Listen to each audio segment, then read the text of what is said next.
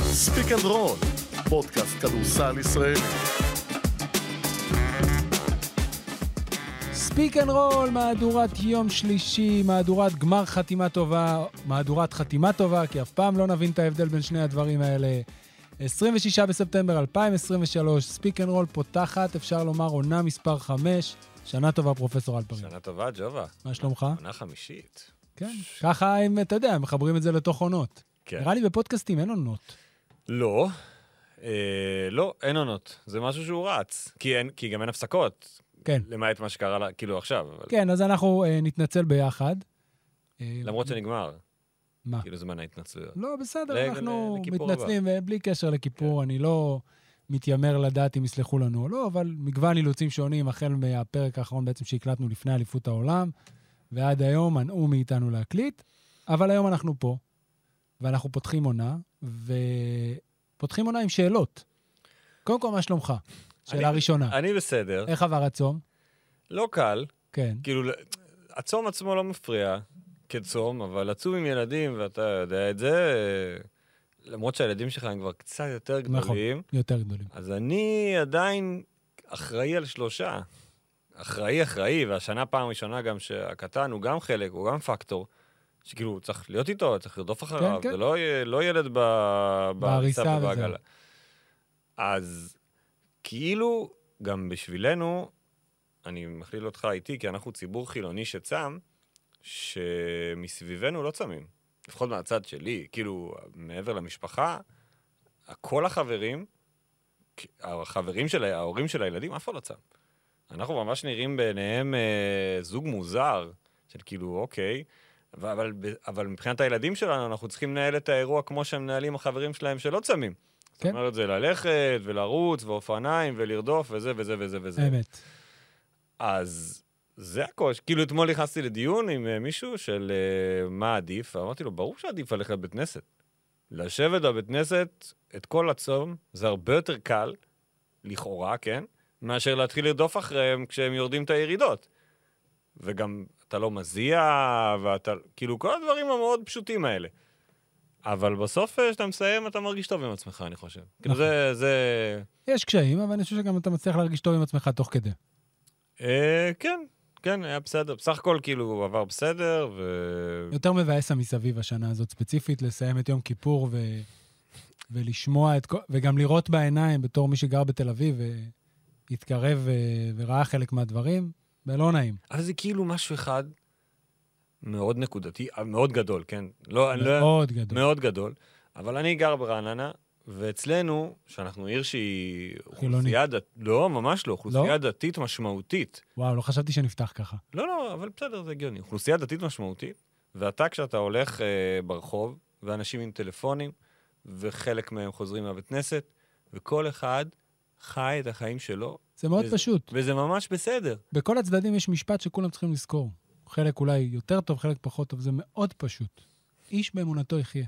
ושכל אחד יעשה מה ש... וזה למה מסבכים את זה, זה מאוד פשוט. אה, האירוע ב- בתל אביב היה מסובך. נכון. מדי, הוא גם לא, הוא לא בשבילנו. הוא לא. לא, אנחנו לא צריכים להתעסק איתו. אני אומר, בנקודת מבט שלי, איפה שאני הייתי, היה יום כיפור מאוד שקט, כן. הייתי בבית כנסת, והייתי ברחוב עם הילדים באופניים, ואני חושב שיש ציבור כזה גדול מאוד, של, גם של חילונים, שעדיין מקדשים את יום כיפור, כי הוא משהו אחר, ומה שהיה ב- בתל אביב, צריך מישהו אחר לפתור אותו, לא אנחנו. אוקיי, ניתן אה, שני סייגים לפרק הזה, אנחנו אוקיי. מקליטים את זה היום בצהריים. מכבי תל אביב וקריית אתא משחקות אה, בחמש וחצי ביום שאנחנו מקליטים, לכן יכול להיות שקריית אתא תעשה הפתעה גדולה ולא נתייחס בפרק, אז עמכם הסליחה מראש. גם נס ציונה היום פותחת את המסע שלה לעבר ליגת האלופות בארבע וחצי. לכן שתי, שלושת הקבוצות האלה כרגע טיפה נסיט אותה מהדיון. מכבי נתייחס יותר למשחקי ההכנה שראינו, ופחות למשחק בגמר גביע ווינר, אה, ברבע גמר גביע ווינר. אז אלה הסייגים. שאלה ראשונה, אלפרין עודד. אה, אז בוא נתחיל עם מכבי תל אביב, ואנחנו לא ניגע בה הרבה, אבל בוא נתחיל איתה. השאלה שלי אליך, אז זה לא שאלות של מאזינים, זה שאלות שעלו לנו במהלך ההכנה, ואת האמת שלנו עם מי לדבר חוץ אחד עם השני, אז נעלה אותם פה. אה, האם הייתה צריכה להיות טובה יותר בשלב הזה של ההכנה? כי היא הקבוצה היחידה בעצם שהייתה לה הכנה מלאה, לא היה לה אף שחקן ב- באליפות העולם, והסגל שלה, רובו ככולו, די דומה לשנה שעברה, כשהתיקונים הם בעצם בעמדות מסוימות מאוד. אז, אתה יודע, הקו, ה- החמישייה רוב הזמן היא חמישייה מהשנה שעברה. אז אז כן, אני חושב שזה מאוד, הנקודה הזאת ספציפית, שעכשיו סיימת את המשפט, היא מאוד חשובה, כי בדקות ששיחקה החמישייה הראשונה, שעלו אה, ג'יי כהן וג'וש ניבו ובולדווין ובראון וקולסון, ופונזי, כן. אוקיי? בדקות האלה מכבי תל אביב נראית מצוין. השטף שלה, אז עזבו שטף, אתה רואה דברים, בין אם חלק תרגילים מוכרים, לא מוכרים, זה פחות רלוונטי, אבל אתה רואה ששחקנים יודעים איפה שחקנים אחרים נמצאים. פתאום, אתה זוכר דיון כזה בעונה שעברה, שבולדווין לא יכול לשחק עם ניבו פיק אנד רול, שבראון לא נמצא, ניבו סובל? לא קיים בהכנה, זה לא היה קיים גם בסוף העונה שעברה, אבל לפחות מבחינת החמישייה הזאת, שישייה, אם נכניס את רומן סורקין לצורך העניין, הכדורסל הוא אותו כדורסל. הדברים הטובים שלו, נתחיל בחיובי, נראים כמו קבוצה שיודעת מה היא רוצה ואיך היא משחקת, וכל שחקן, הכי כיף לראות את זה, האמת, במשחק המעבר. אתה רואה, אם לוקחים ריבאונד ויוצאים לרוץ, או שיש חטיפה, לא נדבר על 1 על 0 שמסיימים, אתה ממש רואה שחקנים הרבה פעמים רצים, כל אחד למקום שלו, הגארד עם הכדור לפה, אחד חותך, ההוא הולך לפינה, ואתה רואה את זה. אז זה דבר אחד. דבר שני שאפשר לציין אותו כפלוס, שמכבי הוסיפה, בדקות שאנטוניוס קליבלנד משחק, ויש לגביו סימני שאלה ותכף ניגע בהם, אבל הוא מוצא את מקומו בתור שחקן שיכול לשמור על אחד משני הגארדים המובילים של היריב, ושחקן שמייצר הרבה חטיפות. עוד פעם, אני מאלה שחושבים שהרבה חטיפות לא מעידות שאתה שחקן הגנה או קבוצת הגנה טובה.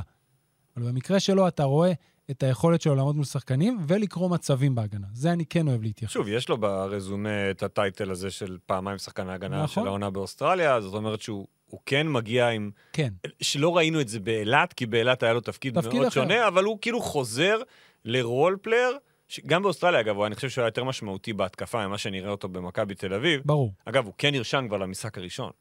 זאת אומרת שיש פה איזושהי הצהרת כוונות... לג- בוא נפתח סוגריים, בן קרטר נרשם למשחק נגד קריית אתא. לא הבנתי. הוא חתום, הוא לא לא חתום, יודע. איך זה לא עובד? יודע, לא יצאה הודעה רשמית לגביו. גם אני לא. סגור סוגריים. אבל הוא אם- לא אם- ישחק בהפועל אילת, כן, כמו שאנחנו מבינים כרגע. כן, כבר את זה אנחנו מבינים. זה כמו שראיתי שהאריכו חוזה למרקוס אריקסון באלבה ברלין. עכשיו, מרקוס אריקסון לא שיחק שנתיים, אבל האריכו לו חוזה. אולי זה משהו כן, אתה פורמלי. יודע. כן, אה, סגור סוגריים. אז קליבלנד, אתה יודע, מנית את הדברים הטובים, יש לי את עניין המשחק העומד, מה הוא עושה בתוך המשחק העומד של מכבי ובאיזה עמדה הוא תל אביב. משחק? כן.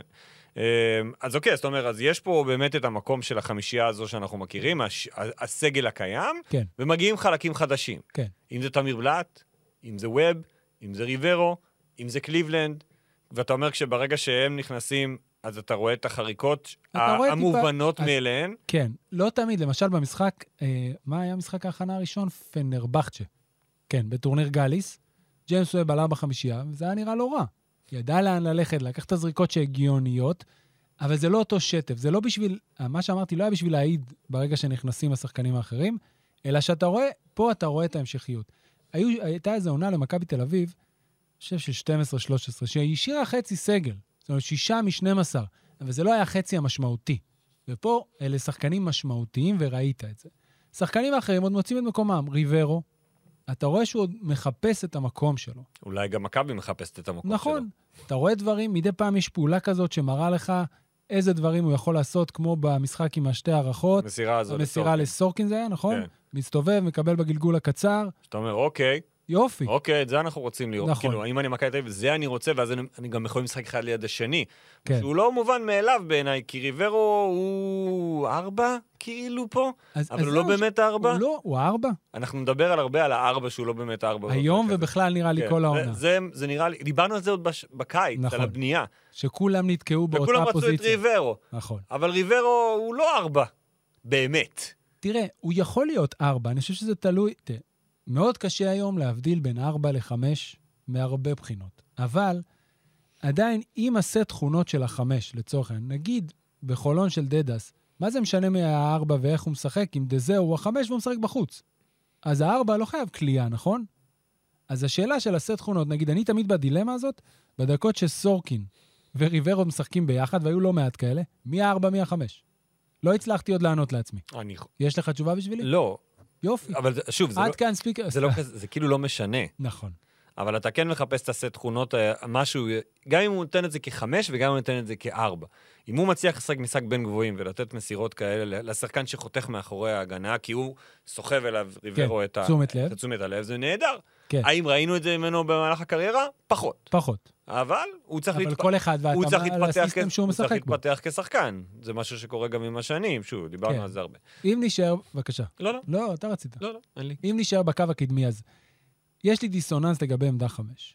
מצד אחד, גם בסוף העונה שעברה, אז לא, לא בסוף העונה שעברה, סליחה, בק- בקיץ, שהיו הרבה דיונים, מי יהיה, מה יהיה, ביני לבין עצמי, אני חושב שגם דיברתי על זה פה, הנחתי שסורקין וניבו, על פניו, כשני החמשים היחידים, זה לא מספיק גדול כדי להגיע לאן שמכבי מכוונת, שזה לפחות פיינל פור. מה שמתנגש ויוצר את הדיסוננס זה מתן ההזדמנות לרומן סורקין. כי אם אתה אומר לעצמך, אתה אומר, אוקיי, הם לא גדולים, צריך עוד חמש, צריך שלושה חמשים, אז מי שנפגע על פניו זה סורקין, כי בינתיים עוד לא ראינו אותו יותר מדי בארבע, אף על פי שקטש בסיום העונה שעברה משהו, כן רואה את סורקין משחק גם דקות בארבע. ולכן כרגע, אה, כאיזשהו סימן שאלה, לא אגיד עוד חיסרון, כי אני חושב שזה מוקדם מדי, אבל עדיין נראה שהקו הקדמי, סלאש, יותר נכון, עמדה מספר חמש, חסר קצת בשר. בשביל להתמודד עם שחקנים גדולים, אף על פי שיש דרכים. נגד פנרבכצ'ה למשל, שיש לה את שנלי ופפאיאניס ומוטלי? ומוטלי, הם שלושה חמשים. הם שלושה חמש, עם שנלי גם זז לארבע, משחק עם פפאיאניס כמה דקות. כי שנלי, שוב, הוא יכול הוא לברוח יורד החוצה. החוצה. כאילו, הכל בדיוק, בסדר. כן, ברור. מכבי הסתדרה. עכשיו, נגיד אין אם- הרבה קווים קדמיים. לא כאלה. יצא לי לראות הרבה את אולימפיאקוס. איך היה להם עם מילוטינוב מבחינת הגנה? לא ראיתי כי ערכתי את הפועל ירושלים אוקיי. הפועל באר שבע. אז שוב, וגם זה לא היה סגל מלא, כי מוסטף אפל לא שיחק. נכון. אבל אני זאת אומרת, אתה לוקח מקרה בוחן, אתה אומר, אוקיי, מכבי נגד אולימפיאקוס, מתחיל מול טונב בחמישייה, רבע שני עולה מוסטף אפל. כן, אתה אמור להתמודד עם הדבר הזה, עם מה שיש לך. נכון. אה, ואני לא יודע אם... אבל כמה קבוצות כאלה יש לנו? יש את ריאל מדריד, נכון? ברצלונה. יש את פנרבכצ'ה, יש את ברצלונה, יש את אולימפיאקוס. אה, אוקיי. נדולו אפס לא כזאתי, יש לו לא. את אריק ג'ונס. ו- כן, לא, ו- אין לה- אה, אבל אתה רוצה להגיע לשם. אתה רוצה, אבל... מונקו, אה, מוטיונס. מוטיו- לא, מוטיונס דונטה הול, וקורנלי עולה לא, אבל, בארבע. אבל דונטה הול זה שחקן שאתה אמור לדעת ניבו אמור להתמודד להסתדר איתו. כן, כן. הוא סוג של אה, ניבו. ניבו נראה מצוין, דרך אגב, בהכנה הזאת. אני חושב שהציפייה היא שהוא יהיה יותר טוב השנה. א- אה, אז בינתיים זה נראה מצוין. בוא נגיד שהולכים על מקרה בוחן אה, קריס ג'ונס, כזה של נותנים לו את האופציה, כן. אוקיי? ואומרים, אוקיי, הוא היה- הוא ית- הוא יתאקלם שנה ראשונה? מילאנו, אתה יכול להכליל שיש לה זה? לא. גם לא, לא. לא, לא, אני מבין מה אתה... בסקוניה גם לא. אז יכול להיות שזה משהו שיתווסף גם תוך כדי עונה. יכול להיות שריברו, שהוא פיזי יותר, יזוז פתאום לחמש בדקות שהוא משחק עם סורקין, הגנתית לפחות. זה עוד אה, סימן שאלה שעולה שצריך לראות. אוקיי. באותו עניין, אבל בקבוצה אחרת. סוף המשחק של, חולון, של ירושלים אה, נגד אה, באר שבע, באר שבע. ברבע גמר גביע ווינר, כבר ירדנו מהאוויר. כן. מראיין עמרי מנהיים את אה, ג'יקיץ'. שואל אותו, תגיד, מה אתה חושב על העמדה מספר 4 עד עכשיו? הוא כהרגלו מנסה להתחמק מהשאלה, אומר, מה, מה זאת אומרת? כן. אתה שואל אותי את זה כבר. אומר לו, אוקיי, יואב אנדור, אתה מתרוצה ממנו בעמדה מספר 4? ואז הוא אומר לו, אנדור is not a 4. נכון. אוקיי, עכשיו, ל... אה, לא יודע מה המילה, גם במשחק לפני, של הפועל ירושלים שידרנו, זאת אומרת, גמר טורניר ווינר תל אביב מול הפועל תל אביב, בראיונות לפני שאנחנו מקליטים, ואני לא זוכר אם זו הייתה נועה פופלינגר או מנהיים ששאלו, הם גם שאלו על אנדור, והוא אמר שהוא נאלץ להשתמש בה בארבע לפעמים, אבל הוא חמש. אוקיי. אז, רק כדי לחזק את השאלה כן. שאתה הולך לשאול. אז, אז ההגדרה עכשיו היא שמוריס אנדור הוא החמש השני של הפועל ירושלים, כן. כמחליף של הנקינס. מה זה אומר? הלכה למעשה, גבי צ'צ'שווילי הוא 4-1, קריס ג'ונסון ארבע שנים. 4 שני, ובלייזר, שהוא הארבע השלישי. כרגע הוא הארבע הראשון. לא, אני אומר מבחינת כמה ארבעים יש. נכון, אבל הוא הארבע הראשון כרגע. אבל זה לא מה בהיררכיה. שחשבנו. לא. זה לא מה שראינו בעיני רוחנו. ויכול להיות שג'יקיץ', אחרי שהוא הבין, כאילו, אוקיי, אני לא יודע, הוא אמר גם, אני לא הולך להביא עוד ארבע. כן, זאת אומרת שאין פה מחשבות גם לשנות. לא, לא שאני חושב שצריך בשלב הזה של העונה. מסכים. אבל אנחנו היינו בקונספציה שגבי הוא החמש השני, שהוא בא על תחליף איתי שגב, אבל כנראה שמשהו ב... שג'יקיץ' רואה את זה אחרת. בהכנה ובאימונים אומר לג'יקיץ', אוקיי, זה לא יכול לקרות, אה, אלא אם כן, אתה יודע, ראינו גם בשלבים מסוימים את שני חמשים, כן, אוקיי. תראה, אנדור והנקינס, אבל זה... אפשר לשחק עם מצבים זה, מיוחדים. בדיוק, בסיטואציות מסוימות, בליינאפים מסוימים, מול יריבות מסוימות, ברור שאתה יכול לראות את, את אנדור והנקינס, ואתה יכול לראות את אה, הנקינס וצ'אצ'ה. הנקינס וצ'אצ'ה זה בסדר, זה- כי צ'אצ'ה הוא ארבע. כ- עכשיו גילינו. כן, לא, מ- מסתבר, כמו שאומרים. אבל זה, אבל זה, זה איזושהי תעלומה כזאת על איך שהפועל ירושלים בנתה את הקו הקדמי שלה, שאנדור הגיע האחרון, וגם, אני חושב, אתה יודע, ב- ביני לבין שיחות שאני שומע בתוך הפועל ירושלים, שלא כולם שותפים באותו לדעה ראש הזאת. לגבי מה אנדור יכול לעשות, או איפה הוא אמור לשחק, אבל הם לא קובעים. קובע רק אדם אחד. וזה מש- שדעתו היא שהוא וזה חמש. משהו שהוגדר, ושמענו אותה גם במסיבת העיתונאים, את יונתן אלון אומר, ג'יקיץ', הוא מחליט. ולכן אם הוא החליט את זה, אז זה- זה מה שיקרה. תראה, הוא הרוויח את הקרדיט בעונה שעברה, שיכול להיות שיש דברים שאנחנו, בוא נדבר עכשיו עליך ועליי, לא ניקח אחריות על כולם, אולי הם מפספסים, חושבים אחרת, רואים לא טוב, והוא רואה את זה בדרך אחרת, כמו שהוא רואה את זה. מבחינת, אז יש דברים שהם clear cut, זאת אומרת, כולנו מסכימים, גם ג'יקיץ' וגם אתה ואני, אה, שבלייזר הוא ארבע, והוא עלה בחמישייה בכל משחקי האימון, כארבע פותח, כמעט בכולם. ב- במה שהיה סגל... מלא, אה, כאילו, כן. חוץ ממשחקי, אה, נגיד שהוא נותן אה, דקות לשחקנים אחרים, כן. אתה רוצה למנן. ואנחנו רואים את אה, גבי צ'צ'שווילי, שמשחק חמש, זוכרים אותו בגליל, משחק ליד ברייס וושינגטון, לא יודע מי הארבע, מי החמש, אבל הגיוני יותר שצ'צ'ה הוא הארבע, נכון. וככה הוא רואה את זה, וזה בסדר. זה, איפה זה יביא בעיה? לא יודע אם בעיה, דילמה, מילה שאני יותר חי איתה בשלום. במשחקים המקומיים, בוא ניקח עכשיו. יש חצי גמר אה, גביע ווינר מול הפועל חולון, מותר לרשום חמישה זרים. בסדר? עם ג'ונסון, ג'ונסון לא שיחק ברבע הגמר, לא הוא היה שיחק חולה. גדול, הוא היה חולה. אבל בוא נניח שכולם כשירים, נשים את קרינגטון בצד, שזו סוגיה אחרת. תכף נדבר על זה. תכף נגיע אליה. הנקינס, כמו שנה שעברה, הנקינס, רנדולף וספידי הם הבנקר? כן. יופי, איזה שלושה. שקרינגטון היה הבנקר הרביעי, יפה. אבל הוא לא קיים. אוקיי, אז למר הוא הבנקר הרביעי יפה. עכשיו. אם לא קרינגטון למר, נשאר עוד מקום אחד. לפי מה שג'יקיץ' מסביר לנו, אז זה אמור להיות ג'ונסון. ובעצם, במשחקים, ויהיו כאלה, שהנקינס לא יוכל להירשם, במקום שזה יעלה בהפסדים, כמו שזה היה בעונה שעברה, אנדור יירשם והוא החמש. לכאורה, כן. זה- ככה אני מבין, אבל במשחקים שאנדור לא נרשם, אז גבי, שהוא ארבע, כן עובר להיות חמש. נכון? כי הוא יכול גם וגם. ספציפית נגד חולון, ונדבר על חולון, זה בסדר, כי חולון קבוצה חולון זה קטנה, בעיה. אז אפשר אה, להתמודד עם זה. אני חושב שקריס ג'ונסון חייב להירשם נגד קבוצה שנראית כמו הפועל חולון. אין ברור. סיבה ללכת עם אנדור, צ'צ'צ'ווילי והנקינס למשחק הזה. אמת. אבל זה, שוב, אנחנו מקליטים לפני הפרק, אני מניח שנגלה, ובסוף נגלה כמובן שהוא רושם את אנדור, כי אנחנו... כי זה מה שכן. כי זה ג'יקיץ'. אה, אז זה סיפור אחד שאין אין עליו תשובה. תהייה. תהייה. ראינו את אנדור, בינתיים דיברת על ריברו, מחפש את עצמו. כן. מחפש את עצמו בהתקפה. אבל יותר התקפית. כן, הגנתית, בהתקפה. הוא מוצא את עצמו יותר טוב. לא. וזה בסדר מבחינת ג'יקיץ', כי שם ברור. זה מתחיל. מתחיל הגנה, אחרי זה נדבר התקפה. התקפה תבוא, ראינו גם את ירושלים בשנה שעברה, זה לקח לה זמן. היא נכון. נראה, היא מאוד דומה. אגב, אתה רואה את הקשיים ההתקפיים משחק אחרי משחק, הם לא טובים בהתקפה, הפועל ירושלים. ובגלל שסוף סוף יש לנו, לא סוף סוף, אבל יש לנו מקור השוואה, כי ראינו את אותו מאמן, מאמן קבוצה מאוד דומה בדיוק לפני שנה, וראינו איך זה מתפתח, ואנחנו זוכרים איך זה נגמר ברגעים הטובים שלו, אז אפשר להניח שזה הולך לאותו כיוון. בגלל זה גם נגיד, אני חושב שכבר קצת נרגע הנרטיב הזה, שפעם היו סופרים, אתה זוכר, ממש פעם, כל משחק הכנה של מכבי. מה המאזן, מה זה, ואני חושב שהיום מבינים שזה לא רלוונטי לכלום. לא משנה איך מסיימים את מאזן משחקי ההכנה, הוא נבדק בדברים מסוימים, לפעמים בניצחונות, לפעמים בהפסדים, לפעמים הוא נגמר בתיקו. גם. כמו שהפועל תל אביב סיימה איזה משחק אחד, כן. ומכבי, היה איזה דיבור כזה שם, לדעתי, שאת ההערכה השנייה שקלו לא לשחק. אוקיי. אז יש את סיפור אחד, זה סיפור מתחת לסל. הסיפור השני זה סיפור קרינגטון. כן. הוא סיפור לא פשוט מבחינת הפועל ירושלים, כי היא תצטרך בסוף לקבל החלטה, אם היא לא תתקבל באמת. אז קרינגטון לא ישחק בגביע ווינר. כן. כי למרות שזה לא נחשב במצבת הזרים הוא לליגה, עדיין נכנס לסטטוס הזר. בדיוק, הוא נכנס לסטטוס זר, ולכן אם רושמים אותו, אז אם הוא רוצה להירשם לליגה, הוא עדיין יירשם כסטטוס זר. הפועל ירושלים לא לוקחת סיכון כמובן בסיפור הזה, ולא רושמת אותו בכלל.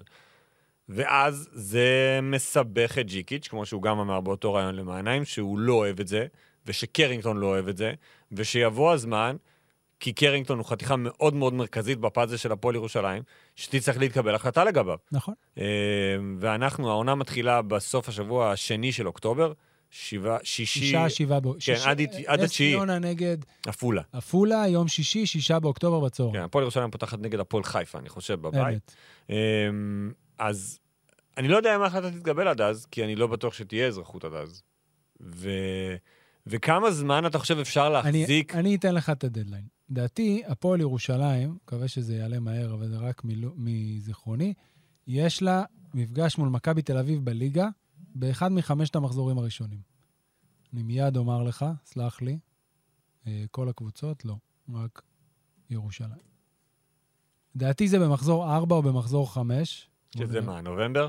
אמצע רגע, בוא, נובמבר? בוא נראה שאני לא מטעה את המאזינים שלנו, אותך, פחות חשוב. 29 לאוקטובר, אה, אוקיי, אוקיי. משהו מוקדם. מחזור 5. 3, 4, מחזור 4, יופי. זכרתי פה אתה רוצ- בסדר. פה אתה חושב שאני כבר... לדעתי, זה יהיה הדדליין. זאת אומרת, עד לפה יש אה, משחק אחד רק של ליגת אלופות או כן. שניים? הם משחקים אחד. יופי. אז עד לפה יש אחד באלופות, פותחים את העונה מבלי לזלזל מול הפועל חיפה, הפועל חולון והפועל עפולה. מרווח ביטחון שעם הסגל של הפועל ירושלים יכולה למתוח את ההחלטה. למשחק הזה, נכון, אתה אמרת פה אמרה לפני שנה שתפסה כל העונה, זה ג'יקיץ' מנהל עונה, אבל בתוך השיקולים שלו הוא רוצה כבר את קרינגטון, זה ברור, מעל כל צל של ספק. ולכן לד- בתחושה שלי זה יהיה הדדליין. פה הם יצטרכו להחליט האם הם מחכים או מוותרים על הרעיון הזה. כי קשה להם, כאילו, שוב, מה זה קשה להם? הם ידעו ש- לקראת מה הם הולכים השנה. עם, אה, בלי רכז ישראלי, עם ברינטון למר בעצם כעת. נכון, אבל לדעתי בשלב שבו הוכתם קרינגטון, הייתה תחושה שהוא יהיה ישראלי כבר עד העונה, כי היה עוד נבחרת ישראל באמצע. נכון. וכולם חשבו שזה יקרה, והוועדה האטה את ההחלטה. זאת אומרת, השר מינה את הוועדה, ואז בעצם כל תהליך קבלת ההחלטות הואט. וזה משהו שהפועל ירושלים לא לקחה בחשבון. שהיא- חלון הבא של נבחרת ישראל פברואר. הוא פברואר 25. אמת, שבוע אחרי גביע זאת אומרת המדינה, אוקיי. שאין שהיורוליג... פה, אין פה לחץ אפילו מצד הנבחרת שהיא יכולה להפעיל כאילו של אוקיי, אנחנו צריכים את זה עכשיו כי יש חלום בנובמבר. נכון. מעניין, מעניין מה יקרה עם סוגיית קרינגטון. אה, תראה, אני- הוא- הוא הניחוש חייב שלי, לשחק. הניחוש שלי שאם זה הדדליין, לפחות שלך ושלי, אנחנו... אוקיי. אתה לוקח איתי את הדדליין הזה? בטח, יופי. אז לדעתי, אם יגיעו לדדליין הזה ולא תהיה לו אזרחות, הוא יירשם. אוקיי. כזר. ירושלים פוגשת את חולון, שזה תמיד מפגש מעניין כמובן, אנחנו מקליטים אה, יום לפני, לא יודעים עדיין את הסגלים, אבל לחולון אין הרבה דילמות, כי חולון הולכת לעונה הזאת עם ארבעה זרים, לפחות אה, בינתיים, גם הזר החמישי שלה, דרור קופורד, פצוע, והיא הולכת בס- ב- במודע ובעיניים פתוח- פקוחות להרכב מאוד מאוד נמוך של ג'סטין סמית בחמש, אמין נועה בארבע, יותם חנוך כמחליף לגבוהים. שחנוך ישחק בארבע, חמש המחליף היה... המינוע. וזהו. והשאלה, שהיא גם שאלה שאוהדי הפועל חולון שואלים את עצמם, וגם אתה כאוהד הפועל חולון בטוח שואל, האם זה לא קטן מדי?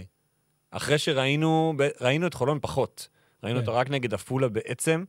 לא עשתה מחנה הכנה כזה בחו"ל עם משחקים שאתה יודע, פעם היינו רואים אותם. טוב, האוהדים ראו אותה קצת יותר, כי היו שני משחקי הכנה מול כן, נס ציונה, נכון. אחד עם קהל, אחד בלי קהל, והיה עוד משחק הכנה נגד עירוני רמת גן, אם אני זוכר נכון. שלב זה היה מוקדם של הראשון. העונה. כן. אבל כאילו ראינו אותה נגד עפולה, לא... היה לה קשה. בוא נגיד שאם עפולה לא נשארת עם שני זרים בשלב מסוים, ושפרד פשוט, אתה יודע, נפל מתעייף, מהרגליים. אז יכול להיות שאפילו זה, זה היה עוד יותר קשה. כן, בסוף הם כלו ה-26-2. 29, נכון? כן. 79 נקודות במשחק הכנה בשלב הזה, זה לא לא כזה טוב. ו... ושוב, דיברת על ריברו, אוקיי? אז בוא נדבר על ג'סטין סמית. ג'סטין סמית ראה כמה דברים, קודם כל, אתלט על, ידענו. אמ... לא ראינו כליאה, לא ראינו מו- נכונות גם לכליאה בינתיים. ש- שזה אה, פחות מטריד אותי ה- העניין הזה, אני מוכרח להגיד. ל- אני שואל ככה, הבאת חמש קטן, כן. אוקיי? שאני זוכר שזה היה דיבורים עם עמית שרף, הוא אמר, הוא כן יכול ואנחנו רוצים שהוא יזרוק. בינתיים זה לא נראה ככה. אבל שוב, אמריקאי, פעם ראשונה באירופה, לוקח זה קשה, זה לא כן. קשה. אבל אתה כן מחפש את האפסייד שהוא מביא לך, ולפחות כרגע, אתה אומר, אני מתקשה למצוא אותו. אני, אני חושב שעניין הכלייה יעזור, אבל הוא לא האפסט, כי יש משהו אחד שאתה בוודאות יכול להגיד על חולון. כל עוד היא תרוץ, מצב שם יהיה סיסו ושמחו בשמחת תורה, שזה עוד מעט.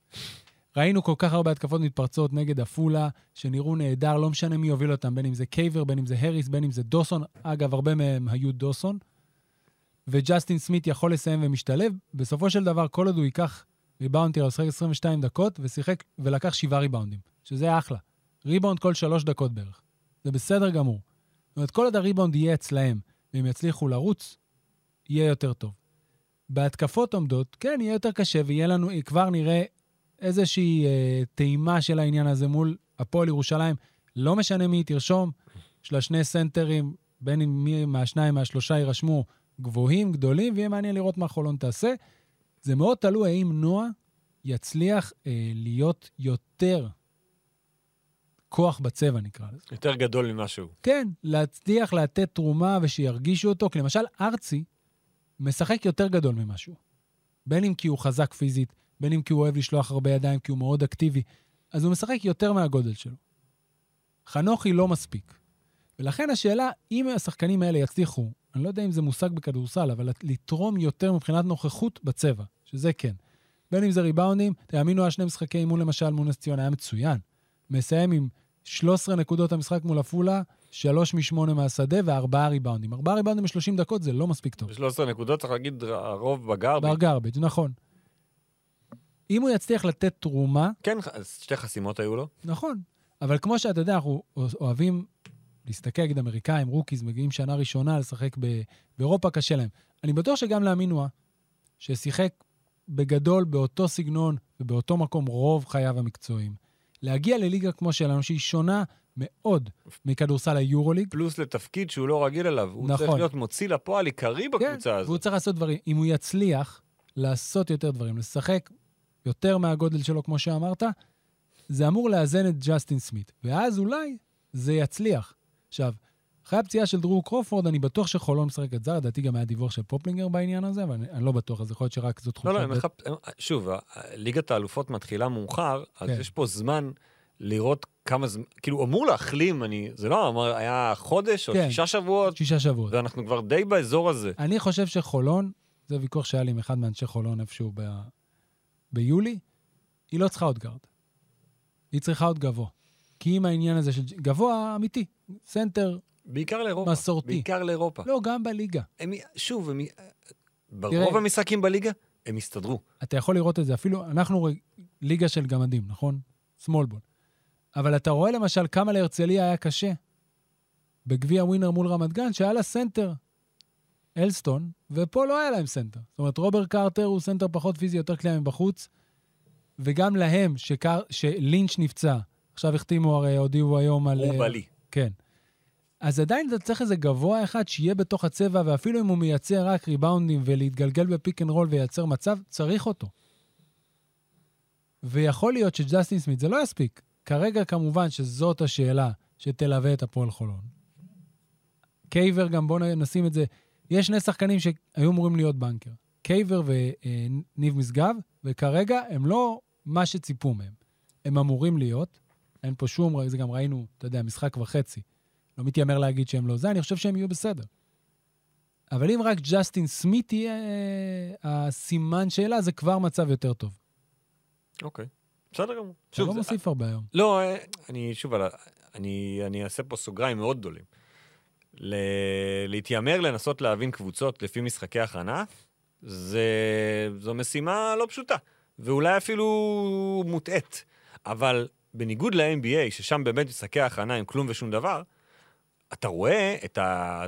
אתה מסתכל רמת אינטנסיביות ורצון, ואתה יודע, הצורך לנצח משחקים, אז אתה מבין שאתה יכול כן להתבסס על זה שכן המאמנים רוצים פה להריץ כבר את מה שאמור לעבוד. כן. אז זה, אתה יודע, אני, אין לי הרבה מה...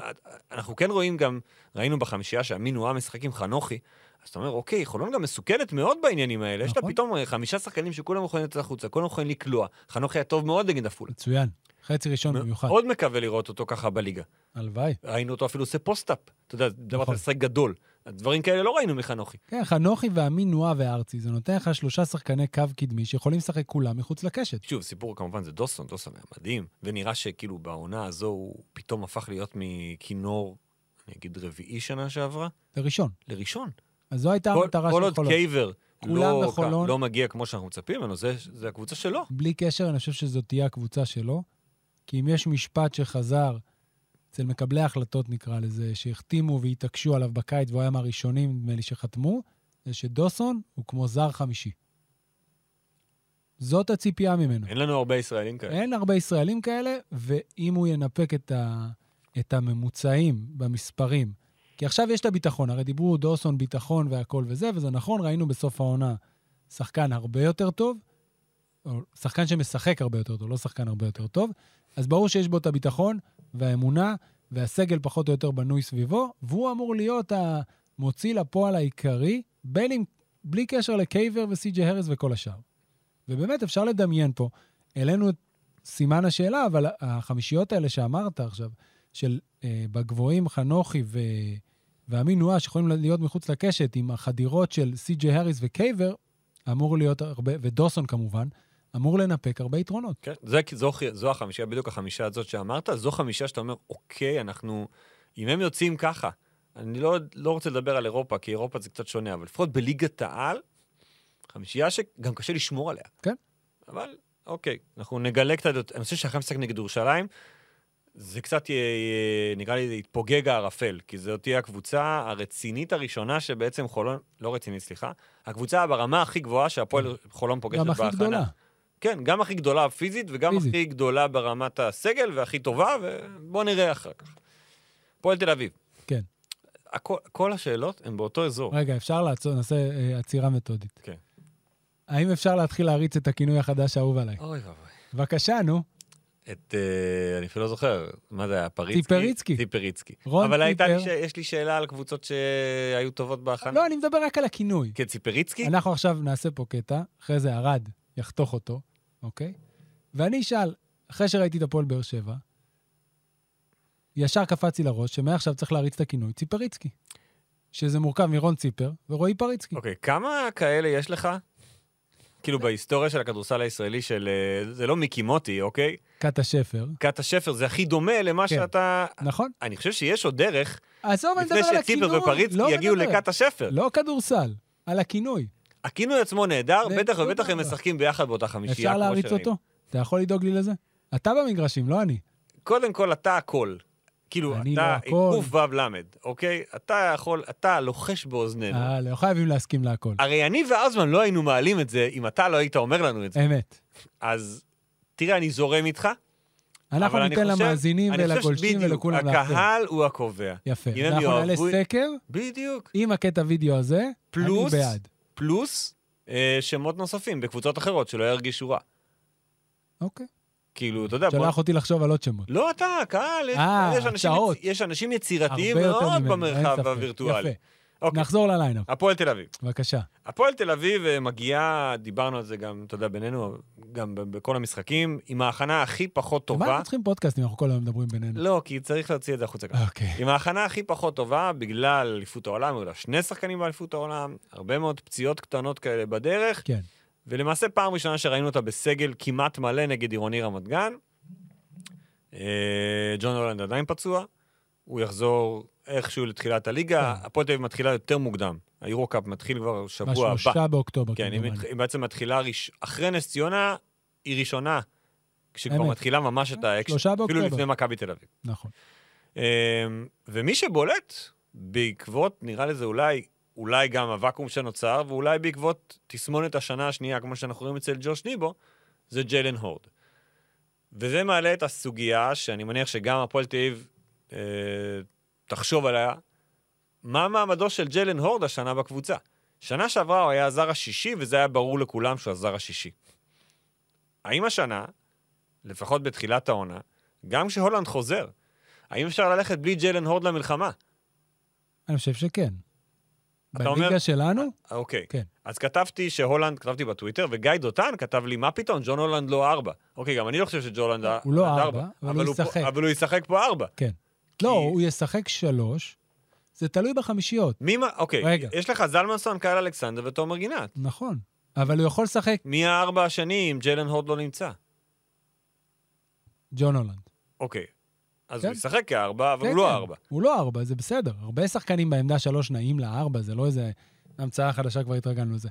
תראה, אבל אבל העניין הוא שג'יילן הורד טוב. נכון. אני אגיד שם לך כרגע מה את הוא- העמדות בצד. אני אגיד לך גם מה הוא נותן להפועל תל אביב, וראינו את זה גם במשחק מול עירני רמת גן. הוא נותן לה יכולת לקחת ביגמן, מה שהיה טוקוטו לפני שנתיים, ולשים על גארד של היריבים.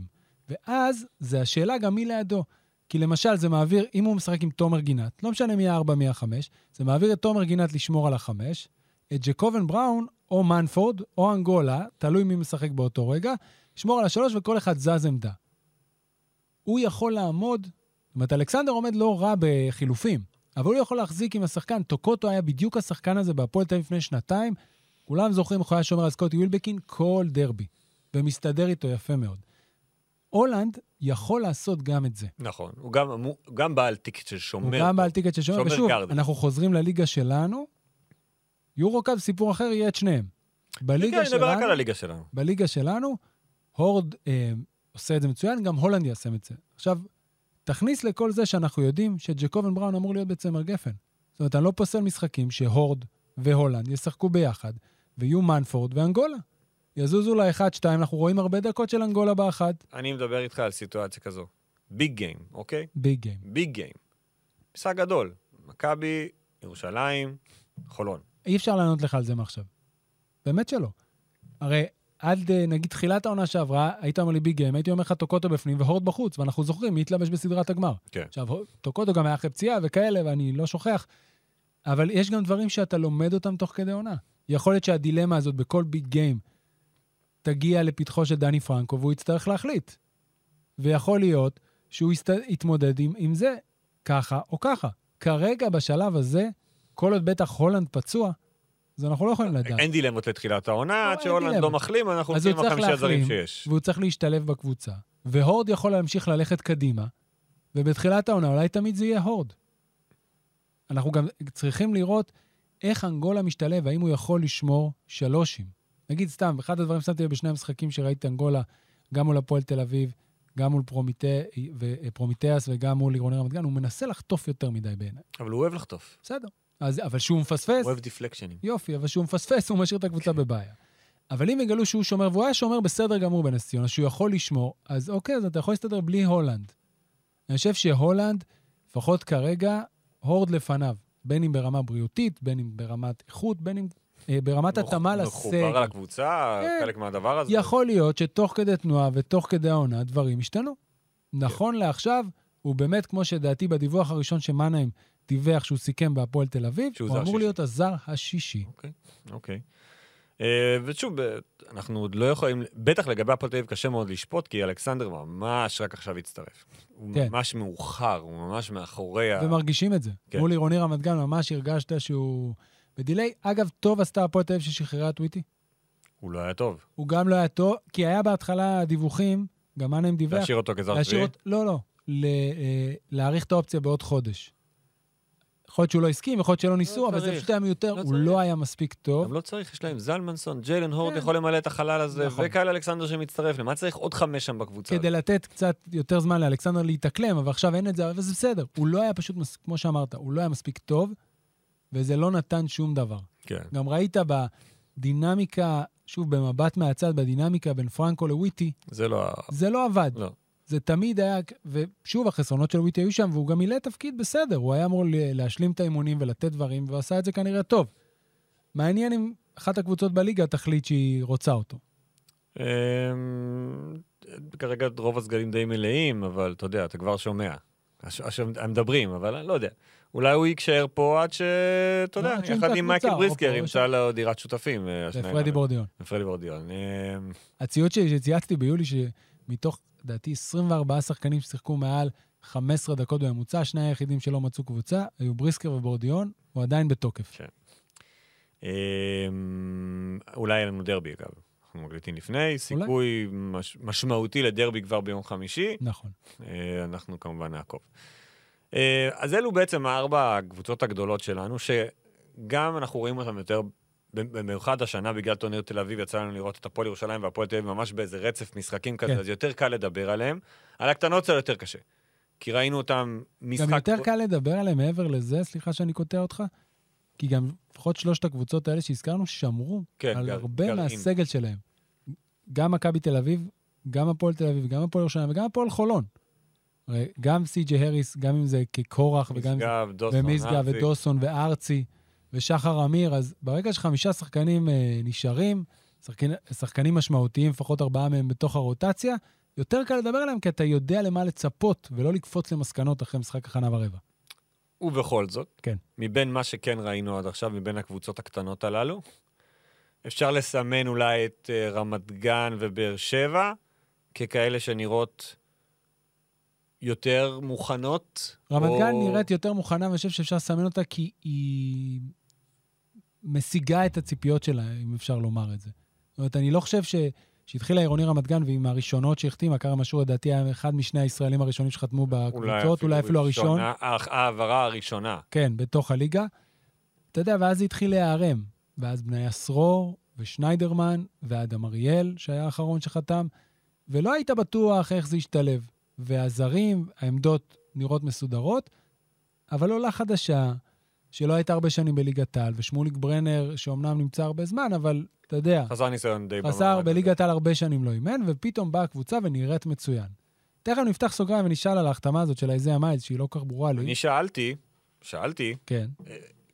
במקומי הוא בא, ולא קיבלתי תשובה. כאילו, הוא ארבע, אבל הוא אמור ל... הם לא הולכים לשחק עם חמישה זרים, עם כל לא מה נראה. שאני יודע. אין לא סיבה. נראה, לא נראה לי שקבוצה כזאת, היא קבוצת עירייה, תרשה לעצמה לוותר על יותר מסכים משני איתך. מיליון שקל. הוא גם לא יכול להיות, אח- הוא גם לא יכול להיות שהוא בא במקום אלסטון. אין סיכוי. ז- כי זה, זו הייתה המחשבה שלי. אבל זה אין, לא יכול להיות. אז מה הוא עושה פה? אני לא יודע, לדעתי, אמרתי לך את זה. בתחושה שלי, טוקוטו הרי היה פצוע. נכון. לא שיחק מול אה, הרצליה בשמינית הגמר, אוקיי. חזר רק מול הפועל תל אביב. אוקיי. אולי הם אמרו, אוקיי, מה, אנחנו... הוא לא- פוליסת ביטוח? אי, זה המייל, שחקן כזה, לשים פוליסת ביטוח בקבוצה כזו? זה שהוא... שחקן ששיחק שתי מש- מה שאני שתי לא- מסגרות. כן, מה שאני לא מבין זה את העובדה, הוא חתום עד סוף העונה.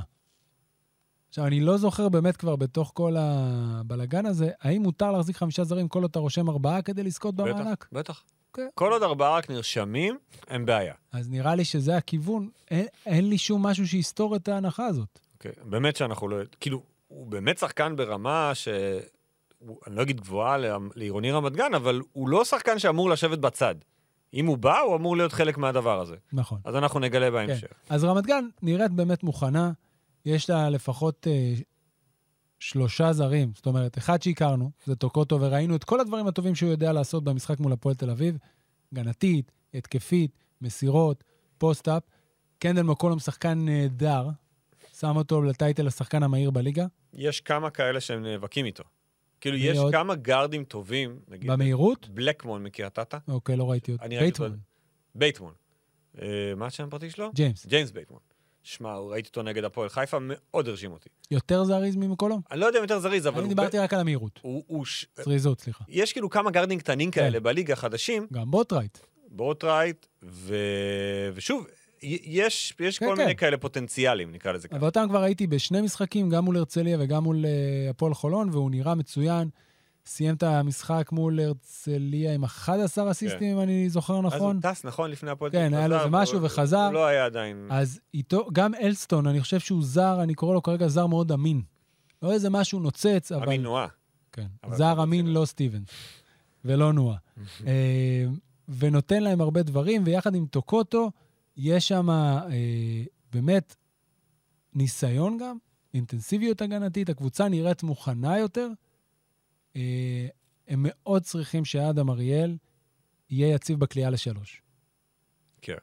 חייבים הוא אותו. נותן להם אקסטרות. כן. אני גם- חושב שזה מקום שהוא יהיה, יש לו את האור הירוק. שמוליק לא, ברנר אור אוהב, ירוק, כן. שמוליק ברנר אוהב קליעה. הוא עשה אחת משבע נגד הפועל תל אביב. אני אומר, אבל בניגוד לקבוצות האחרות שהוא היה בהן עד עכשיו, כן. בשנים האחרונות, קבוצות, נקרא לזה, שמחפשות משהו, פה עירוני רמת גן במקום אחר. היא אומרת, אוקיי, זה הישראלי הבכיר שלנו, אנחנו צריכים לתת לו... אני לא בטוח שהוא הישראלי הבכיר ולא אז- קרם אשור.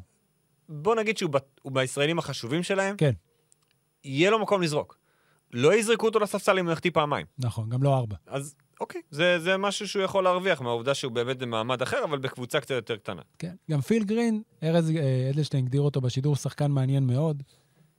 ה- ה- פתאום הוא מתפ... ההתפרצות הזאת עם השלוש שלשות ברבע השלישי מול אה, הרצליה, זה באמת נראה בא משום מקום, והקליעה שלו קצת נראית לא, לא תנועתית כזה, לא שהיא לא יפה, או יש לו קשת יפה והכול, אבל משהו לא הכי זורם.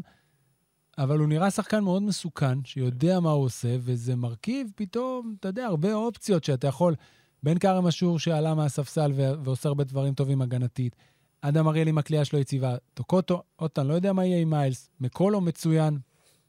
התחלה טובה לאיך שהם נראים עכשיו שאנחנו לקראת סוף ספטמבר, מה שיכול לתת להם ככה צעד וחצי לפני קבוצות שעוד מחברות ומחתימות זרים שעדיין לא שיחקו, נגיד עפולה, כן, אפילו חסר להם זר. כן. שהחתימה את קסיוס סטנלי בשבוע שעבר רק. פועל חיפה החתימה זר ממש נכון. לאחרונה. אה, אז זה אחד. כן. שתיים זה באר שבע, שאתה יודע, יש ממש תמימות דעים בליגה, שהיא עושה, שהיא בפלייאוף. עכשיו, קצת אה, ציפייה מוגזמת אוקיי, בעיניי. ראינו אותם, אוקיי, הם שיחקו, שיחקו משחקי הכנה, חלק טובים יותר, כן, ראיתי חלק אותם גם טובים בטורניר פחות, אילת. ואז הגיעו להפועל ירושלים, אה, כן הצליחו לחזור בצורה מאוד מרשימה ברבע השלישי, אבל בסוף ראית את הפער, יש כן. שם פערים, אה, יש נכון. פערים.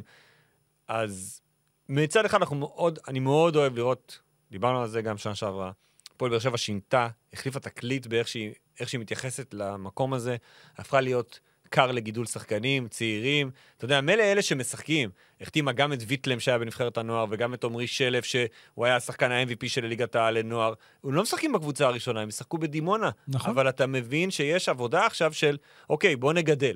גם יש שם מעטפת שעובדת איתם, כן, ויש לך, לשחקנים האלה. ואז יש לך פריצקי שאתה מגדל, וציפר שאתה מגדל. לשניהם ביחד. ושניהם ביחד ציפריצקי. וגלעד לוי, שהוא פרויקט מאוד מעניין. גלעד לוי זה מאוד מעניין, מה... לדעתי, לא בדקתי עם לובין, אבל בתחושה שלי משהו אה, קפץ תקליט. זאת אומרת, התחיל בטורניר אילת, קריס בנקסטון נפצע במשחק הראשון, אה, מול אה, לרנקה, נכון? כן, מבצע באמצע המשחק. יופי. אבל אה, לוי פתח בחמישייה גם כן, כן, לפני כן. כן.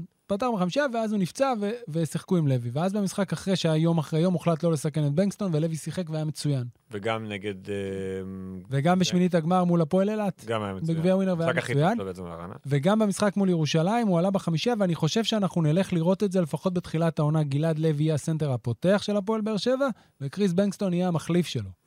וקודם כל זה כיף כן. להגיד דבר כזה. הצהרה. הצהרה של הפועל באר שבע. הצהרה שלפחות כרגע, עוד נגד ירושלים, גלעד לוי היה הרבה פחות טוב, אוקיי? בסדר, הוא... בסדר גמור. זה- אני לא בטוח שפה אנחנו מדברים על הרמה שלו. אני לא יודע, אני- אבל ההצהרה, שבעצם הוא כבר משחק שלישי רצוף, עולה בחמישייה, והמחליף שלו זה הזר, זה נהדר. אם זה יצליח להיות כל העונה, וגלעד לוי, ואנחנו יודעים שקשה לשחק עם גבוה מהסדר גודל הזה בכדורסל הישראלי, זה לא פשוט, אבל יצליח להיות טוב, לקבל את הצ'אנס כמו שזה נראה עכשיו, אדיר, לא משהו שאני חושב, ש- אולי הוא ציפה ברגע שהוא עבר לבאר שבע, ואנחנו זוכרים את הסאגה. כן. הוא רצה ללכת להפועל חיפה עם אורן, ובצדק אולי מבחינתו, אבל לפחות כרגע, זה משתלם לו ביג טיים. אבל, אז, אבל כאילו מצד אחד אתה אומר, אוקיי, אז יש להם סגל ישראלי מאוד מרשים, ושוחמן, וקולשו, ואיוריו לא רע בכלל. כן, היוריו נראה בסדר גמור. הזרים שלהם, איוריו או איוריו? סם היוריו. אוקיי, אז- בקמץ פתוחה, הזרים שלהם קצת פחות מרשימים עד עכשיו. מסכים. אמ, קרנדל, שהוא כאילו ה- אמור להיות האחד, ה- שראינו כמה אחדים טובים בבאר שבע במהלך השנים האחרונות, כן. עוד לוקח לו זמן. סמסון רק נגד פה ושם, ירושלים, פעם כן. ראשונה ראינו אותו באמת. מסכים. שני גבוהים שהם לא לפה ולא לפה, אתה יודע, אחד הוא... אמנם- בנקסטון קצת יותר תורם מ... אבל, מגן. אבל בנקסטון גם הוא רוקי, כן. אוקיי? אה, וגן שמגיע, אתה יודע, עשה שמונה נקודות בצרפת, אוקיי. לא ראינו שם אף אחד... בגלל מה- זה נראה לי אתה יודע, שה- אתה משווה אותם לזרים של עירוני ב- רמת גן, אה, אתה אוקיי. אומר, חשבתי אוקיי. אתה רוצה להשוות אותם לשנה שעברה, שלפחות לא, היו לא, לך אני שני לא- בנקרים, היה לך בן אני- מור. אני אני חושב שג'ינו קרנדל היה אמור להיות בנקר כן. מבחינת הפועל אבל באר שבע. זה לא קורה כרגע. וזה עדיין לא קורה, וראית שהולכים עם פריצקי בדקות מכריעות פתאום, לא שזה רע. לא, אין עם נה- זה בעיה. זה נהדר, אחלה. אבל, ו- וזה בסדר ש... אז מה התפקיד של נטע סגל פה? תראה, הוא השחקן ה-11 שם, אני חושב, נכון? כן. אם אנחנו סופרים הוא לא שחקנים. שיחק מול ירושלים מקצועית, לא היה חולה, לא היה פצוע מהבדיקה שעשיתי. במהלך הכנה כבר ראינו שהוא שיחק בטורניר פחות. אילת ראיתי, ש- עזוב שהוא שיחק פחות, הוא גם היה איזה שמיני ומעלה ברוטציה. תראה, אם פריצקי הופך כן. להיות האחד השני, נכון. וזה משהו שלא התחיל את העונה שעברה ככה, הוא היה שחק ליד, ועכשיו החליטו, בהחלטה כנראה גם הגיונית, שהוא אחד. הוא האחד השני. ציפר עשה קפיצת מדרגה. בדיוק. ציפר זה בעצם בא על חשבון הדקות, עמדה אחרת כמובן, אבל על חשבון הדקות של סגל. לא, אבל בעצם, הוא, אם הוא האחד השלישי, וכרגע, אז מה, אז... אז אני לא יודע, יכול להיות שהוא לא יצטרך, יכול להיות שהוא לא ימשיך שם, מצד שני הוא הקפטן. אתה מבין? אני מבין, אבל גם בשביל הקבוצה. תראה, יש שם... יש שם- בסיטואציה הם- שנראית לי הם לא בריאה משחקים- לשני הצדדים. נכון. הם משחקים שתי מסגרות, מש... המסגרת השנייה, הליגה הצפון-אירופאית, היא ליגה עם הרבה משחקים. כן, השנה יהיה- כן, אין יהיה- בועות יותר. כן, יהיה לו משחקים, הוא ישחק. ויהיו פציעות. ו... ו... זה משהו שאני חושב שצריך לקחת איתו זמן. כן, צריך לחכות לראות שזה לא... כי לפעמים המצב הזה, זה לא שחקן צעיר. שחקן כבר שהוא במעמד מסוים, ולהוריד אותו אחורה, אם אתה לא מצליח למצוא לו שום דקות, אז אתה... אבל אולי זה משהו שגם אה, היה הגדרת ציפיות בתחילת אולי, העונה, אולי, יכול שכולם להיות. יודעים מזה. אני רק מסמן נקודה כזאת, אתה יודע, כן. אנחנו מסמנים כבר דברים של לעקוב אחריהם, תוך כדי ההכנה ולתחילת העונה, זה נקודה שצריך לעקוב אחריה. אז זה זה. אה, מצד שני, יש קבוצות בהכנה הזאת, שנקרא לזה כבר הדגלים האדומים אה, הורמו. בני הרצליה, שראינו אותם עם רכש די מרשים מבחינת הזרים, וחשבנו שהם יהיו טובים, אבל מכת פציעות באמת, זה כמעט כל הזרים שלהם פצועים עכשיו, והפסדים והפסדים ו- ותבוסות, ומשהו שם כזה כן, לא נראה נעים. גם בבני הרצליה יש חצי וחצי. קריס באב, אה, ג'סטין סיימון, נראים מצוין. באמת, או, לא, חשבנו בדקות... אחרת. לא חשבנו אחרת, אבל אתה יודע, אני כבר שמתי בולד סטייטמנט פה שסיימון מועמד ל-MVP של הליגה כן. מבחינתי. יחד עם דקות טובות של איתן בורג ובוטרייט, יש שם, זה טוב, אבל שוב, כל הקו הקדמי נפצע. וברגע שוורקמן הוא החמש המחליף שלך, אתה כבר בבעיה. אז הם הביאו באמת חמש עכשיו, ש... הביאו נראה לי מישהו ש- שיכול, חוזה חודשיים, כן. קרובלי. הוא יפתח את העונה, אני מניח. אני גם מניח. כאילו, אז אה. גם צריך לינץ'. לתת לזה זמן. כן, אבל אתה יודע, הציפייה, אני חושב, מבאר- מהרצליה, שהיא הייתה אמורה להיות במקום הזה של באר שבע ועירוני רמת גן. לפחות ב- בתפיסה של איך... באיכות הזרים שהיא הביאה. מה שאני הופתעתי לראות זה שדן שמיר שמר עם הרצליה אזורית. לא כי דן שמיר לא שומר אזורית, אלא פתאום רואה את המשחק מול עירוני רמת גן, אחרי שרשמתי הרי שתי דקות ומשהו, הוא פתאום מסמן והקבוצה עוברת ל-2-3. ואתה יודע, הרצליה, אנחנו כבר שייכנו את השנתיים לאזורית, אבל זה, נתנו את הקרדיט כל גם הזמן אזורית לאורן אחרת. אהרוני, אז עכשיו אה, זה עוד משהו שנמצא בארסנל. עוד פעם, יש פה פוטנציאל.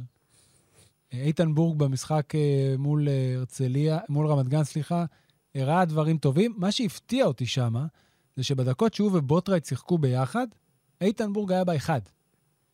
כי זה התפקיד שלו. אין בעיה, אבל האם הוא יכול פרוטו- לשחק גם בשתיים. זה דבר אחד. ודבר שני, שלחצו אותו, ומקום קצת לחץ אותו, אז הוא איבד כדורים פה ושם. שחקן חדש, פעם ראשונה בליגת לא, אין העל. בעיה, זה הפתיע אותי. הייתי בטוח שבדקות ששניהם משחקים, שהוא האחד, הוא האחד. כן. אבל הייתי בטוח שבדקות, זה כמו שלצורך העניין, שנה שעברה שקרביץ שיחק עם הוקר, אז קרביץ זז לשתיים, ולא הוקר. אנחנו אגב מרגישים גם, כבר בקדם העונה את ההשפעה הזו של אה, ארבעה זרים. אפשר להרגיש את זה, אתה יודע, בהרבה כן. מאוד קבוצות, ששחקנים ישראלים שלא בהכרח היינו רואים אותם בשנים האחרונות, מקבלים, אה, לפחות כרגע, מקבלים זמן. כי, כי, כי יש, יש זמן לתת. וזה, וזה, לזה התכוון המשורר בסופו של דבר. נכון. אתה יודע, אנחנו רואים את זה גם בקריית אתא, לא נדבר עליהם היום, אבל יש שם גם סגל ישראלי צעיר, מעניין מאוד, עם שרף ופלטין ורז אדם ותומר פורט, אתה אומר, אוקיי, ו- ו- והם חשובים, אתה יודע, זה לא, לא שחקנים, הם לא קישוטים. שחקנים ש- שהם, שאם קריית אתא תהיה טובה, הם יהיו טובים, כאילו, אם הם יהיו טובים, קריית אתא תהיה כן. טובה. כרגע מי שמסתמנת בבעיה ששוב, עוד מוקדם ו... וכאלה, זו גליל עליון. ואני חושב שהפועל חיפה כן, אתה גם חושב שהפועל חיפה. יותר בבעיה מגליל עליון. כן, בזה לא הסכמנו. תראה, משחק הכנה, שאני לא יודע איך אפשר להתייחס אליו, כי לא ראינו אותו, אבל גליל עליון ניצחה, אתה יודע מה? גם ניצחה ב-23 הפרש, גם כלאה 110 נקודות, אה, קלה חמש, בדיוק פתחתי את הבוקר. וברבע האחרון 15 שלושים. 36-17. כן. וזה מצטר... אני ראיתי את הפועל חיפה פעם אחת נגד קריית אתא, עדיין עם שלושה זרים, ללא דריו האנט, אבל זה לא נראה טוב הגנתית בכלל, וזה, אתה יודע, והבוקסקור הזה רק מצרף את התחושה שלי, ו... וכאילו, הם... הם לא מאוזנים כל כך, מכיוון והם הלכו על מושקוביץ כגארד ישראלי בכיר, לצידו של עוד גארד זר, ואז יש להם והביטחון. שלושה שחקנים, ושמחון וגרשון, ויש להם שלושה שחקנים זרים בעמדות הפנים, בינגאם אה, והאנט, וג'וניוריטו, שהוא משחק בעצם בעמדה מספר 4, וגור לביא בא. וגור לביא בארבע. אבל אני, ואני לא חושב, כאילו, כשדיברתי עם אורן אהרוני, הוא אמר לי שכן יש אה, איזושהי כוונה שבינגאם והאנט יוכלו לשחק ביחד, כי בינגאם הוא כאילו כן יכול לצאת החוצה, הוא אמנם כן. 2-13, אבל הוא כאילו קצת יותר אה, מובילי, מובילי. והוא יכול לקלוע, אז זה איזושהי מחשבה. אבל נראה לי שמשהו שם עדיין לא מחובר, כי האנט הגיע מאוחר, והפועל חיפה אחרי עונה טראומטית מבחינתה, כן. אז היא הורידה אמנם את עניין אירופה מהפרק, והיא כן יש לה סגל ישראלי שנראה מבטיח. מבטיח, אבל מבחינת החיבור, מבחינת מה שאנחנו רואים עד עכשיו, היא קצת מאחור. וגליל, אני מסכים איתך, אז הסגל הישראלי של הגליל גם חטף איזה זפטה קטנה יחסית. לא קטנה, גדולה מאוד. אוקיי, גדולה מאוד. לאבד את אה, מושקוביץ והשחקן הישראלי הכי טוב בליגה, נמרוד לוי, בעונה אחת, זה בעצם, כן, סתירה די גדולה. אנחנו רואים את לוטן אמסלם לוקח עליו יותר, ברמת איך, הזריק... איך אה, מה... אה, אפיוני הזריקות אה, שלו. אם הוא יצליח, נגיד, כמו במשחק מול גליל, שהוא כלה 16 מול חיפה. נקודות, סליחה, מול חיפה, כן. לשמור על הדבר הזה של הממוצע נקודות דו-ספרתי, אני לא נכנס שם אם זה 11 או 17, אני לא יודע אם גם זה... אתה יודע, זה כי- חשוב. לא. ב- הוא לא יכול לסיים עם אפס, אוקיי? לא, בסדר, הוא מסיים עם 8, לא עכשיו... אה, זה, אה. אבל- שמונה עד חמש עשרה. אבל אני חושב שהוא כבר צריך להיות גם בקפיצה שלו בתוך גליל וגם באיך שבנו את הסגל. הוא צריך להיות באזור אוקיי שמונה צפונה, סבבה? לא חייב דו-ספרתי. כן. כי הוא גם, אנחנו יודעים שהוא עבד בקיץ, אנחנו גם רואים את זה, ואנחנו יודעים שהוא רוצה. זאת אומרת, גם מנטלית הוא אמור להיות מוכן לקפיצה הזאת. הוא... אם יש מישהו שמוכן לקפיצה הזו, זה לא טל אמסלם. כן, גילוי נאות, אנחנו חברים של שמעון, אני עובד איתו הרבה שנים, ו... לא, גם יצא לי גילוי נורא, הייתי תלוטן בקיץ, מתאמן כמה פעמים, כועס עלינו שלא בחרנו בו לפני שנתיים לתגלית העונה, הכל בסדר. אנחנו מוכנים לבחור בחלוטן עם... תמיד. נכון, זה, זה הכל תלוי בך, יש לך עכשיו את הבמה. בעצם, באמת, הוא מקבל פה את הבמה כי הוא הישראלי השני יחד עם רוזנבאום. כן. אחרי רוברט- רוזנבאום סגור? משחק, מה זאת אומרת? לא, בסדר, סגור לכל העונה? למה לא? אוקיי. לא יודע, הוא עולה בחמישייה. כן, יודע. זה נכון. ראינו את הובר, הובר השנה. הובר זה אולסטאר. אה, זה, זה, זה כ- כאילו, הוא באמת השחקן הכי טוב של הקבוצה. נכון. זה מדהים, כאילו... אגב, אני לא בטוח שזה מה שגליל התכוונה שיקרה, אבל זה זה מה מה יש. שקרה. כן. ירד שם הכסף, ברור, קרה מה שקרה עם עופר ינאי, אני- הם עדיין אל- תומכים בהם נופר, אבל אני חושב שזה לקראת הסוף. ובסוף מה שיכריע את הקבוצה הזו, כמו שהכריע כנראה בפעמים הקודמות, זה האם היא מצליחה להחזיק תקציב. כן. האם המועצה, האם יש שם ספונסר, זה הכל. והשנה, ובואו לא נשכח, הם משחקים שתי מסגרות. הם הולכים יורופ קאפ, הם שלב הבתים, נכנסו אוטומטית בגלל המיקום הגבוה מהשנה שעברה. מרגיש כמו עונה ש... ש... שהם צריכים להיזהר בה. כן. כן. ראינו שהיורופ קאפ בשנה שעברה, שהם היו קבוצה יותר טובה, כמעט פירק אותם לחתיכות. אבל הם עפו בסיבוב הראשון, אז הם הצליחו להתאפס. נכון. כן. בשלב הראשון. אני מקווה בשבילהם, התקדמו? לא, מאוד מקווה שיתקדמו, אבל הלחם והחמאה בקלישה הכי גדולה זה ליגת העל, ושם הם צריכים להישאר. ויהיה להם לא, ק- לא קל, רואים את הקבוצות, רוב הקבוצות, בסך הכל, גם עפולה שהיא עולה חדשה, וגם רמת גן, וגם קריית אתא, אתה רואה שם את הפוטנציאל, ואתה רואה את הסכנה שיש לגליל, כן. אם משהו שם לא יתחבר כמו שהם מצפים. גם לפחות כרגע, הזרים של עפולה נראים יותר מבטיחים מהזרים של גליל. אנחנו לא יודעים מה קורה עם קאסס לא, קייס- אה, קייסי שפרד, אנחנו יודעים איזה שחקן הוא, וראינו במחצית הראשונה מול חולון באמת מה הוא יודע לעשות. אה, לאטי בודיאר, אחלה, ומוררה, אני מאוד אוהב אותו עוד מהתקופה שלו באייק אתונה ובליגת אלופות. ברור שהוא ירד צדו הזר השלישי. קסיוס סטנלי זה אחלה שחקן על פניו. אבל הוא ממש לא שיחק, נכון. אתה יודע, ואנחנו אבל לא... אם כבר לא לשחק, לבוא לשחק ליד אובר, זה נראה לי לא ליד אובר, ליד שפרד. ליד אה, שפרד, כן. אה, ו- ו- ושהכול עליך וזה, זה נראה לי טוב, אז על פניו, הציפייה היא שסטנלי יבוא ויהיה קודם כל מלך ההיילייט של הליגה. כן. זו הציפייה הראשונה מסטנלי. ובגליל, שראינו את אה, בוטוול וסנפורד וגארט מול, אה, בטורניר אילת, עוד פעם, היו דקות, היו דקות שסנפורד גם נגד עפולה היו כן, דקות. וגארט היה טוב, ופתאום היה לך כתובת בצבע, אבל כרגע סי- הם, הם, הם נראים יותר, אני לא רוצה עכשיו להכתיר, אבל הם כרגע נראים בחלק היותר תחתון של הטבלה, אחרי שנתיים של אוויר פסגות.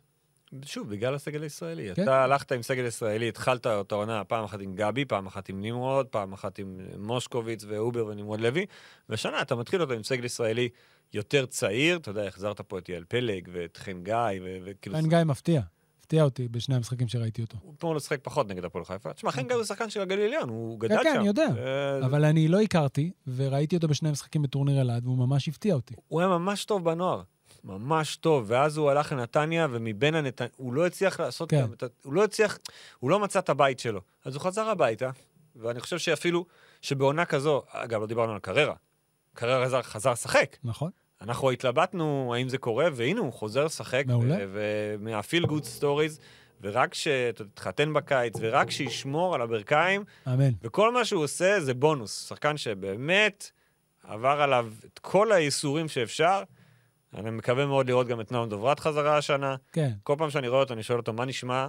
הוא כל הזמן נראה לי עצוב. הוא ל- נראה, הבעת פנים, הוא אני לא אומר שהוא עצוב. תראה, ראינו, ראיתי אותו, הוא, אני, הוא העלה באינסטגרם את העבודה שלו בעולם המים של יוסי. ראית? יוסי מזרחי. אה, העולם המים. ש- וכאילו, הוא אומר לי, תשמע, אני, אני, זה, יש, עוד, יש עוד כמה פרוצדורות שצריך לעבור, לא ניתוחים, אבל יש כמה שלבים. והצי, האופטימיות זה בינואר. אני מאוד רוצה לראות אותו, חו- כאילו, הוא כזה שחקן חשוב לכדורסל הישראלי, אבל שוב, ראינו את קררה, אז אפשר לעשות את זה. כן. אז אם קררה חזר מפציעה כבר שלישית שלו, אז גם דוברת, אנחנו כן, כמה מקווים שיותר שיוכל מהר, לחזור. שירגיש שחקן טוב צעיר, לבריאות. כן, וחשוב להפועל ירושלים.